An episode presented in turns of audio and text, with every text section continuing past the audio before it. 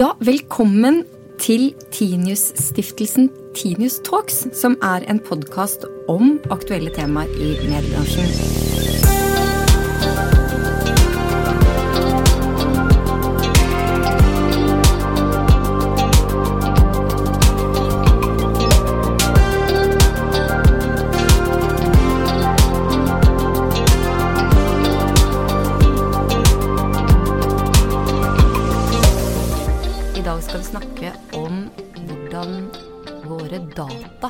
Digitalt blir tatt vare på innenfor en ny ordning som heter GDPR.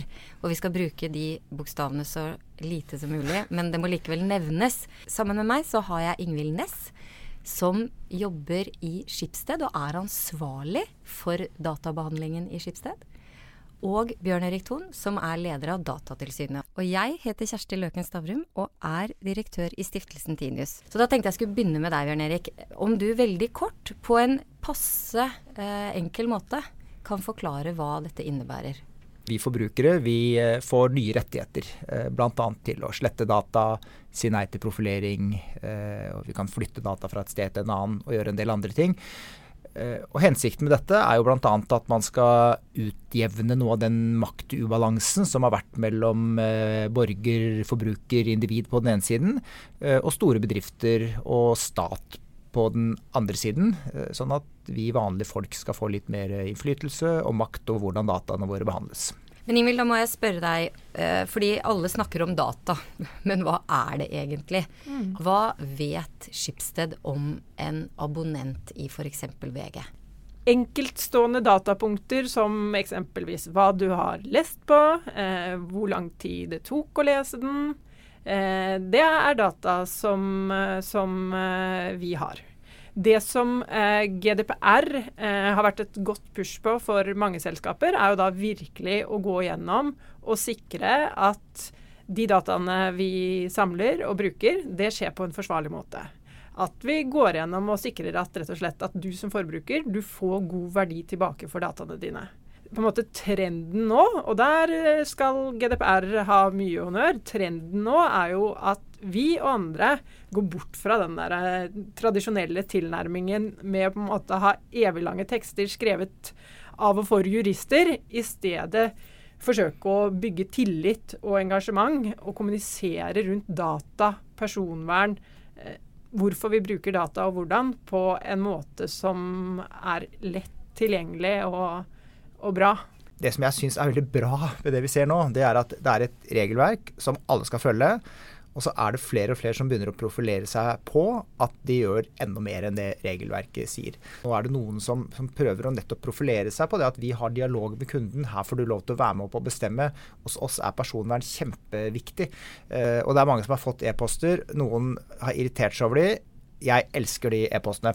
Veldig overraskende. Ja. Vi snakker med sjefen av Ja, Datatilsynet jeg, jeg skal fortelle hvorfor jeg elsker e-postene. Fordi at det jeg, jeg har lest alle jeg har fått, eh, og det har eh, gitt meg noen aha-opplevelser. For jeg har jo kundeforhold steder hvor jeg ikke ante at jeg hadde. Bl.a. at jeg har flydd med flyselskaper som jeg aldri har flydd med, tydeligvis. Eh, så er det interessant synes jeg, å se på hvordan disse er utformet. Ikke sånn juridisk, men visuelt. Og, og hva man forsøker å bruke av visuelle hjelpemidler, av pedagogikk, for å få folk til å forstå hva de gjør med dataene. Eh, og personvern nå handler utrolig mye om hvordan nettopp man kommuniserer med kundene sine. For jeg tror ikke folk er så innmari opptatt av om man lager ting i to uker eller tre uker eller to måneder. Vi håndhever regler om det. Men jeg tror ikke folk er så veldig opptatt av det. Jeg tror folk er opptatt av hva slags opplysninger de får. Hva er egentlig de gjør med dataene våre? Hvordan kan jeg styre dataene mine? Og da handler dette her sånn altså minst like mye om kommunikasjon enn om juss. Vil du gå så langt som til å si at det arbeidet Datatilsynet har forsøkt å få oss til å bli opptatt av i alle de år, at det nå er de gode firmaene som nå eh, gjør dere en tjeneste, sånn at folk skjønner hva dere har snakket om? Eh, om så er, så er jo det veldig flott. Men det er klart, det å snakke om personvern nå, det er ganske annerledes enn å snakke om personvern når jeg begynte den jobben for åtte år siden.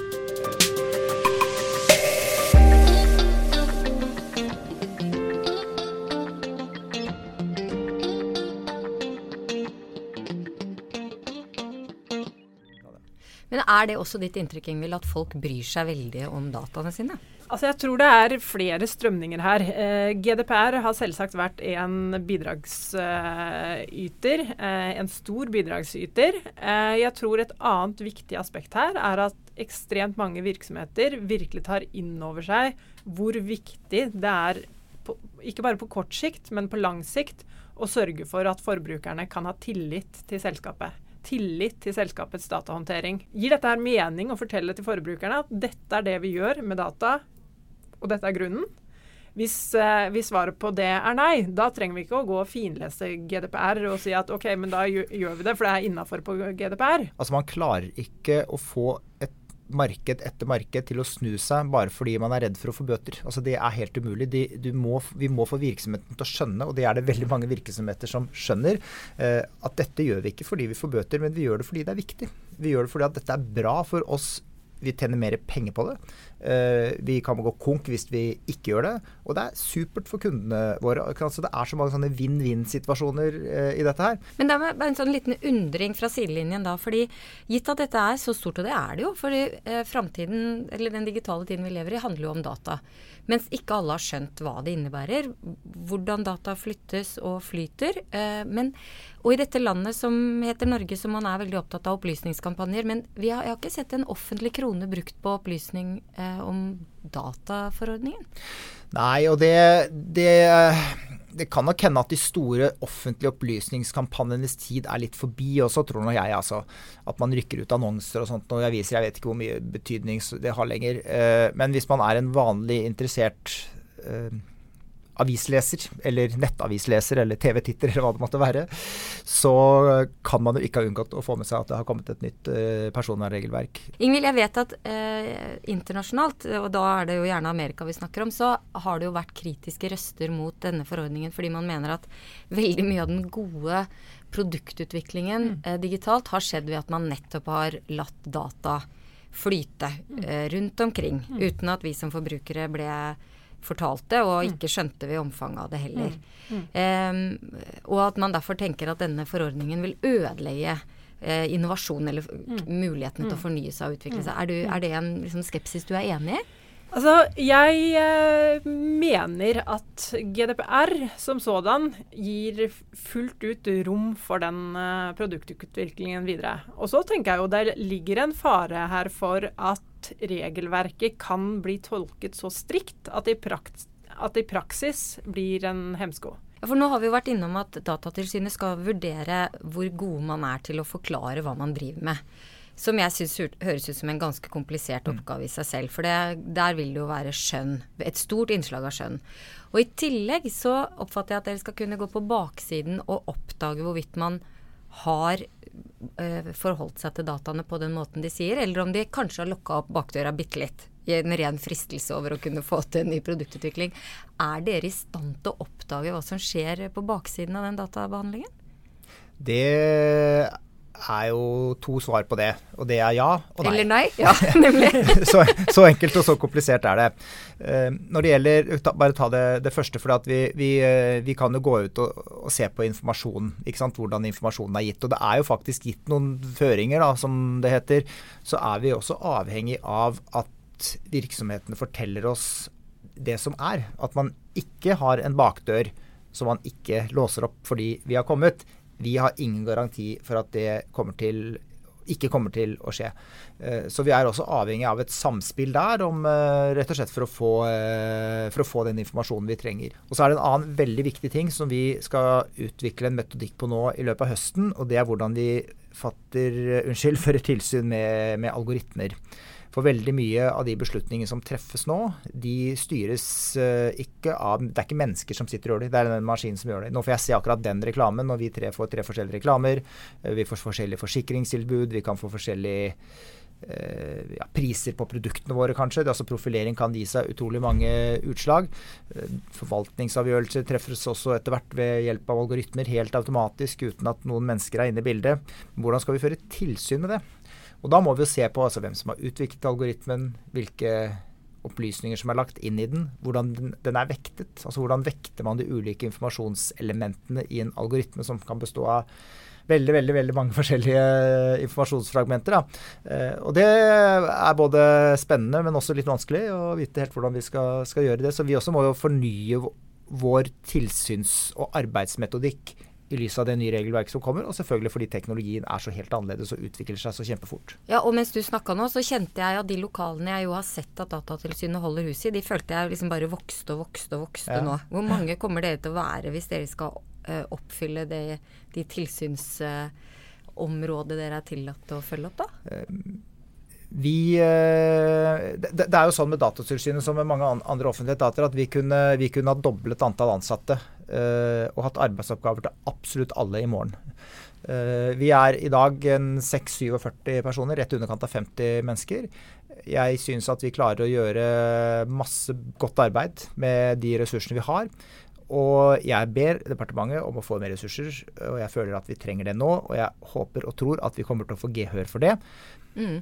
Så skal jeg bare se med fast blikk på deg, Ingvild. For det er klart at eh, Skipsted og dere uh, uh, holder jo hovedsakelig hus i et land som, hvor det er ganske gode kontrollrutiner, og vi er et transparent land, og tilsynsmyndighetene gjør det de, det de, er satt til å gjøre. Ikke alle land har det sånn. er det sånn at dere har tenkt litt over at det kan bli litt skjevt for virksomheter i, i Norge og i Sverige for den del, kontra f.eks. land litt lenger sør? En realitet nå er definitivt at det er ikke mulig for en virksomhet å forholde seg på samme måte i alle europeiske markeder. Der er det forskjeller, og det tror jeg vi og andre må belage oss på at, eh, at eh, det er eh, sånn det kommer til å være en god stund, stund, fremover. Men jeg tror på en måte generelt så er jo på en måte det store bildet at i alle europeiske land nå så er det et økt fokus på dette området mange mange tilsynsmyndigheter rundt omkring i Europa som får både flere ressurser og stadig mer kompetente folk som arbeider hos seg. Så på en måte pilen går jo definitivt i, i en, viss, en viss retning. Men, eh, men, det vil ta tid før vi har et samlet Europa eh, på disse spørsmålene her. Er det et dilemma, Bjørn Erik, eller er det bare en mulighet for Datatilsynet i Norge til å bli liksom Europas beste og ledende datatilsyn? Vi har vel sagt at vi skal være Europas beste datatilsyn på noen områder, men at vi skal være det på alle områder har vi ingen, ingen ambisjon om. Og det er, som Inge vil si, det er veldig mange datatilsyn som er kjempeflinke, og som har mye mye mer ressurser enn vi har. Vi snakker jo om at de store europeiske landene har jo flere hundre ansatte, opptil 300 og kanskje mer enn det til og med. Så det er klart de, de kan gjøre mer enn det vi kan, det er ikke noe tvil om det. Men vi møter jo i noe som heter Personvernrådet. Det er liksom det organet som skal samordne alt vi gjør på personvernområdet mellom myndighetene. Eh, der er det lagt opp nå til det neste året en sånn 10-12 møter. Så det blir månedlige todagersmøter i Brussel hvor vi skal diskutere hvordan vi enhetlig skal praktisere regelverket. Og der er det også sånn at det kan bli truffet beslutninger om hvordan en enkelt sak skal uh, løses. Og så er det da 28 EU-land, og det er tre EFTA-land, så det blir 31 land til sammen som skal klare å få dette til å gå i hop. Det er laget et sekretariat som skal bistå sørge for at alt skjer riktig, forberede saker, som har mange flinke folk, men ikke så innmari mange folk. Så vi også er veldig spent på hvordan dette vil fungere i praksis. Nå har det vært ett møte eh, i dette personvernrådet, og det var mest eh, det var mest eh, festivitas og feiring. Eh, Hva feira dere da? At dette var innført? Eh, er du gæren? Dette har vi jo gått og venta på lenge. Det var en ordentlig ordentlig morsom og ganske livlig fest, kan jeg forsikre deg. Men det gjenstår jo å se hvordan dette fungerer. Uh, unnskyld, kommer til å fungere. Men jeg er ganske sikker på at det kommer til å fungere bra. Uh, nettopp fordi det er en så stor vilje til å få dette til å fungere. Det er et, et voldsomt ønske om å samarbeide. Uh, og spesielt når vi ser på det som kanskje er de store utfordringene nå. Det er jo mange av de store, gigantiske selskapene. ikke sant? De virkelig svære selskapene vi snakker ja, om. Og det må vi snakke om fordi, helt på slutten. Fordi at dette var jo i sin tid en idé som skulle forsøke å begrense de store teknologiselskapenes agering. Mm. Og så lurer jeg litt på om, om det, hensikten har flyttet seg over til de mindre aktørene, mens vi ser at sånn som Google og Facebook posisjonerer seg med makten sin. Og, og kanskje glipper litt unna. Er det ditt inntrykk også? Uh, nei, det er ikke det. Altså, uh, vi, uh, det er f.eks. laget et eget task force, altså en, en, gruppe som skal jobbe spesielt med sosiale medier, og der er Facebook selvfølgelig en veldig veldig sentral aktør. Og Det høres kanskje litt sånn passivt ut å si at ja, vi lager en arbeidsgruppe. Men i den arbeidsgruppen så sier jeg at vi er med der fra Norges side, og alle de store europeiske landene er med i det arbeidet for å jobbe med å få Facebook og andre til å følge dette regelverket.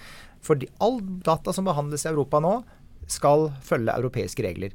Så Skipsted og Ingvild jobber under akkurat det samme regimet som det Facebook gjør.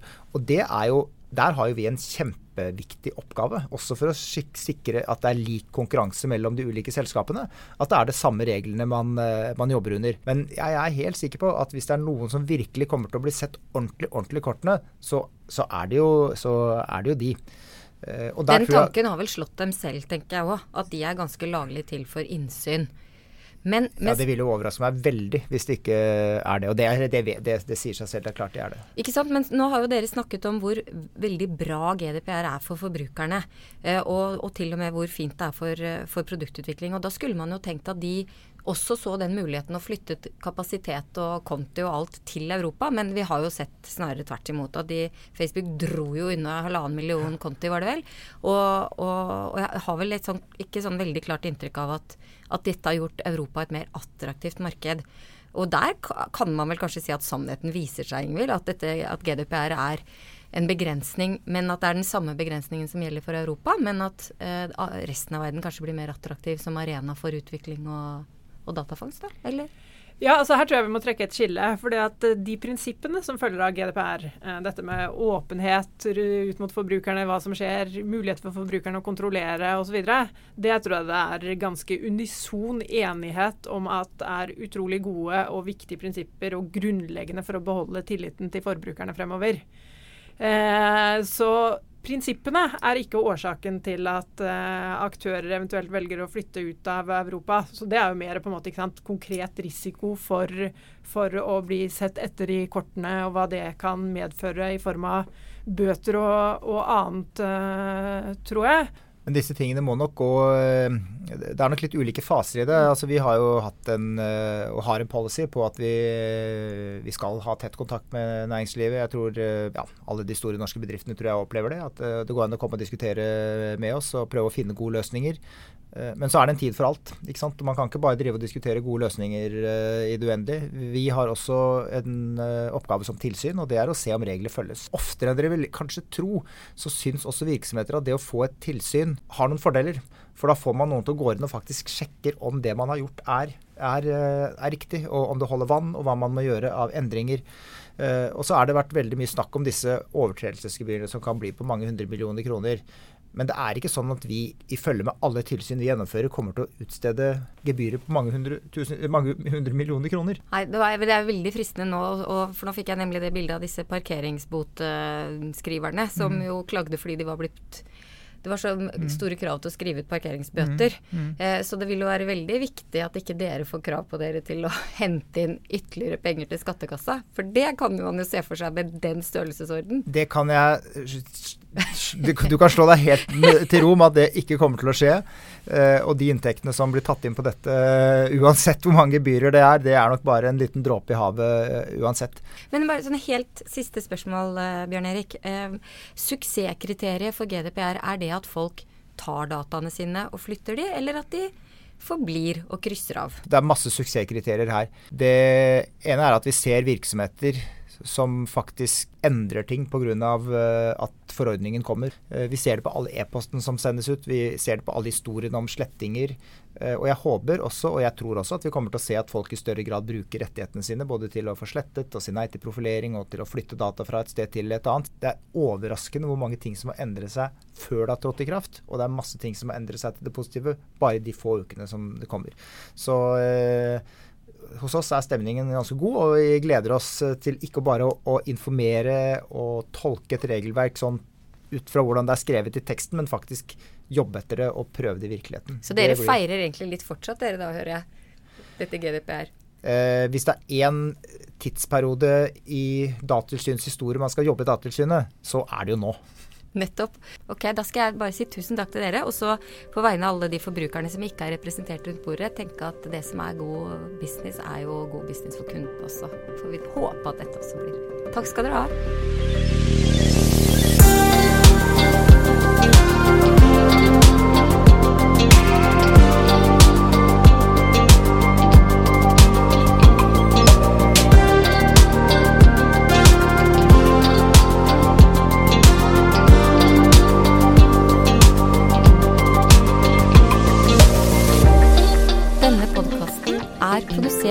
Hansine Korslien for Stiftelsen Tinius.